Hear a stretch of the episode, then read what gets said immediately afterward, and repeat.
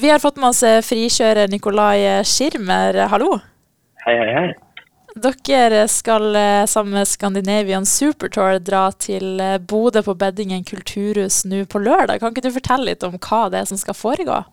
Ja, det er jo veldig gøy å komme til Bodø. Jeg er jo faktisk født i Bodø, så jeg føler at dette er en slags homecoming her etter mange, mange år ute. Ja. Eh, og vi har da samla sammen eh, de fire fineste filmene jeg har funnet fra vinter. Eh, ok, de tre fineste. Jeg har laget den ene, så jeg kan ikke kalle den den fineste. Men uh, jeg har tatt med da en film jeg har lagd i Finnmark, uh, som blir, ja, jeg synes det blir kul. Og så en som heter Hedvig Wessel, som er norsk frikjører som har, eh, har vært med i Freeride World Tour, og gjort det veldig bra. og Nå har hun liksom slutta med konkurranse, da. vært med i OL og sånn, og nå har hun bare forfulgt i drømmen langt i fjell. Um, så hun har lagd en film, og så er det to svenske filmer da, eh, fra ja, litt sånn tilsvarende i Sverige. da, men Det er gøy, det er liksom forskjellig stil, og noe mer dokumentar, noe mer sånn action. Uh, jeg tror det blir en god miks. Hva er på en måte målet deres med denne tårnen, da? Ja, det er litt sånn når du kjører ski og går mye topptur og sånn, da, så sitter man jo gjerne på hvert sitt lille fjell, ensomme lille fjelltopp da, gjennom hele vinteren. Um, men så er det jo et sånn stort, fint skimiljø med masse fine folk.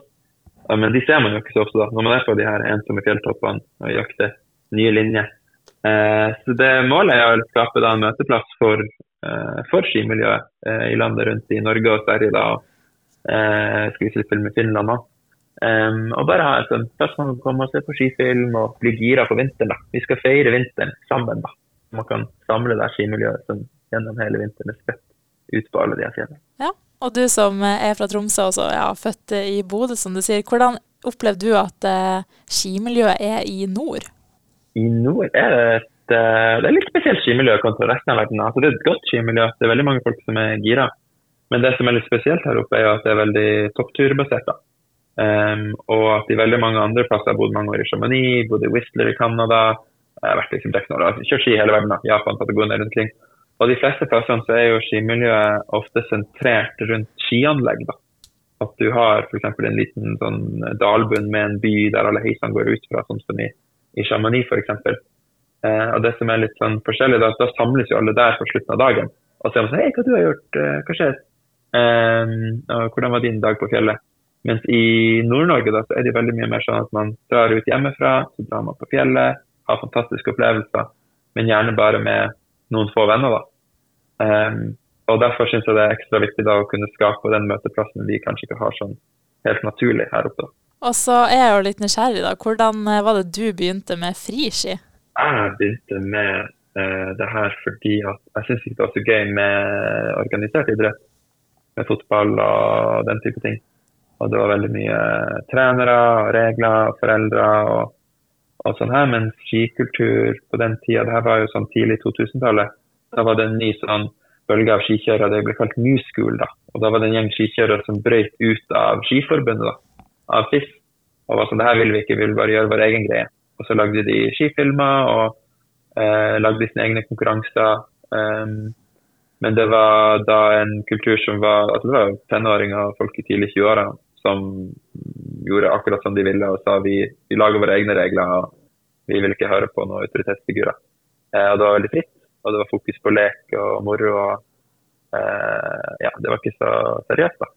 Og Det var noe jeg syns eh, var gøy. Og så er det en veldig sånn morsom kultur. da, de filmene, Det drar deg inn når du er liten. Det er jo masse musikk og gode historier. Og, og selvfølgelig bare opplevelsen av å være på ski det er jo det beste i hele verden.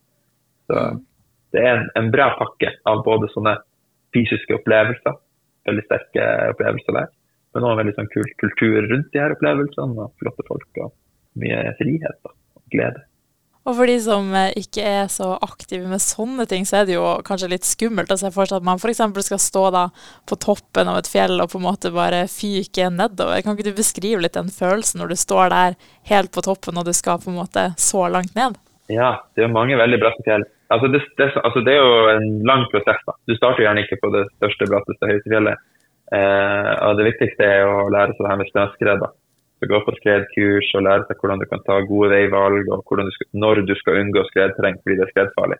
Når jeg begynte, hadde vi jo ikke skredvarslingstjeneste engang. Da måtte du finne ut av det. Men nå kan man jo lese skredvarsel og se når det er skredfarlig, og da må man holde seg unna skredterreng. Men når man har gjort unna alt det der arbeidet da, og sjekka at den informasjonen du har fra skredvarselet stemmer, når du er ute i feltet sjøl, eh, og står på toppen av fjellet og vurdert at det er trygt, da. Når du da skal sette utfor, så er det Nei, det er sjukt fett. Det er veldig få dager i løpet av en vinter eh, hvor alle forholdene ligger til rette for å, for å kjøre de linjene vi kjører. da. Altså med, Du må ha god snø, men du må også ha trygg snø og sol. da. Så alle de tre tingene skal klaffe. Er, er, altså, det skjer ikke så ofte. Og sånn som den filmen jeg har lagd, det handler om at vi drar tilbake til drømmesonen med oppe i Finnmark. Vi oppdaga den på en sånn seiltur for mange år siden. Men første gang vi var der, gikk det bare masse snøskred, og det var totalt kaos og super eh, Ja, ikke noe bra. Og nå har vi liksom brukt to år da, på å få riktig forhold og, og, lære oss de ferdighetene vi trenger da, for å komme tilbake og gjøre det og få revansj da, og gjøre det på riktig måte. Eh, og Det er liksom den historien i den filmen da, om ja, egentlig om den følelsen her. da, og, og Når alt klaffer og du endelig kan sette utfor det. Det er ganske tipp topp, som man sier. Og så lurer jeg på eh, hvor klar er du for vintersesongen som snart nærmer seg? I år er jeg ganske klar, faktisk. Um, nå har jeg, jeg har noen trenere fra USA i år. Nå har jeg aldri vært i så god form før. De pisker meg. Pisker meg opp masse fjell og med vann på ryggen og stein i sekken. Og jeg føler meg som den her greske Sisyfus som ble dømt av gudene til å trylle steiner opp fjell, og så rulle dem ned igjen og så opp igjen. Så ehm, jeg gleder meg veldig. Jeg tror det blir uh, utrolig bra. Og så lurer jeg på helt til slutt, da. Hvorfor skal folk eh, ta turen til Bedningen kulturhus 7.10? Oh, det må de gjøre. fordi at, nei, Det er faktisk et sjukt bra program vi har. Altså, det er filmer som er bra filmer, uavhengig om du er interessert i ski eh, eller ikke. Altså, det er gode historier om mennesker som prøver å få til, eh, få til ting og med fantastiske bilder av natur. Um, og så er det veldig hyggelig. da. Hyggelig å møtes og finne sammen og ta en pils og prate om, om vinteren som skal komme. Og hvis du er litt sånn nysgjerrig på det her med ski og ikke Um, ja, ikke, ikke i gang ennå. Så har vi også veldig lyst til å være møteplass hvor man kan møte nye skikamerater og komme inn i miljøet. da.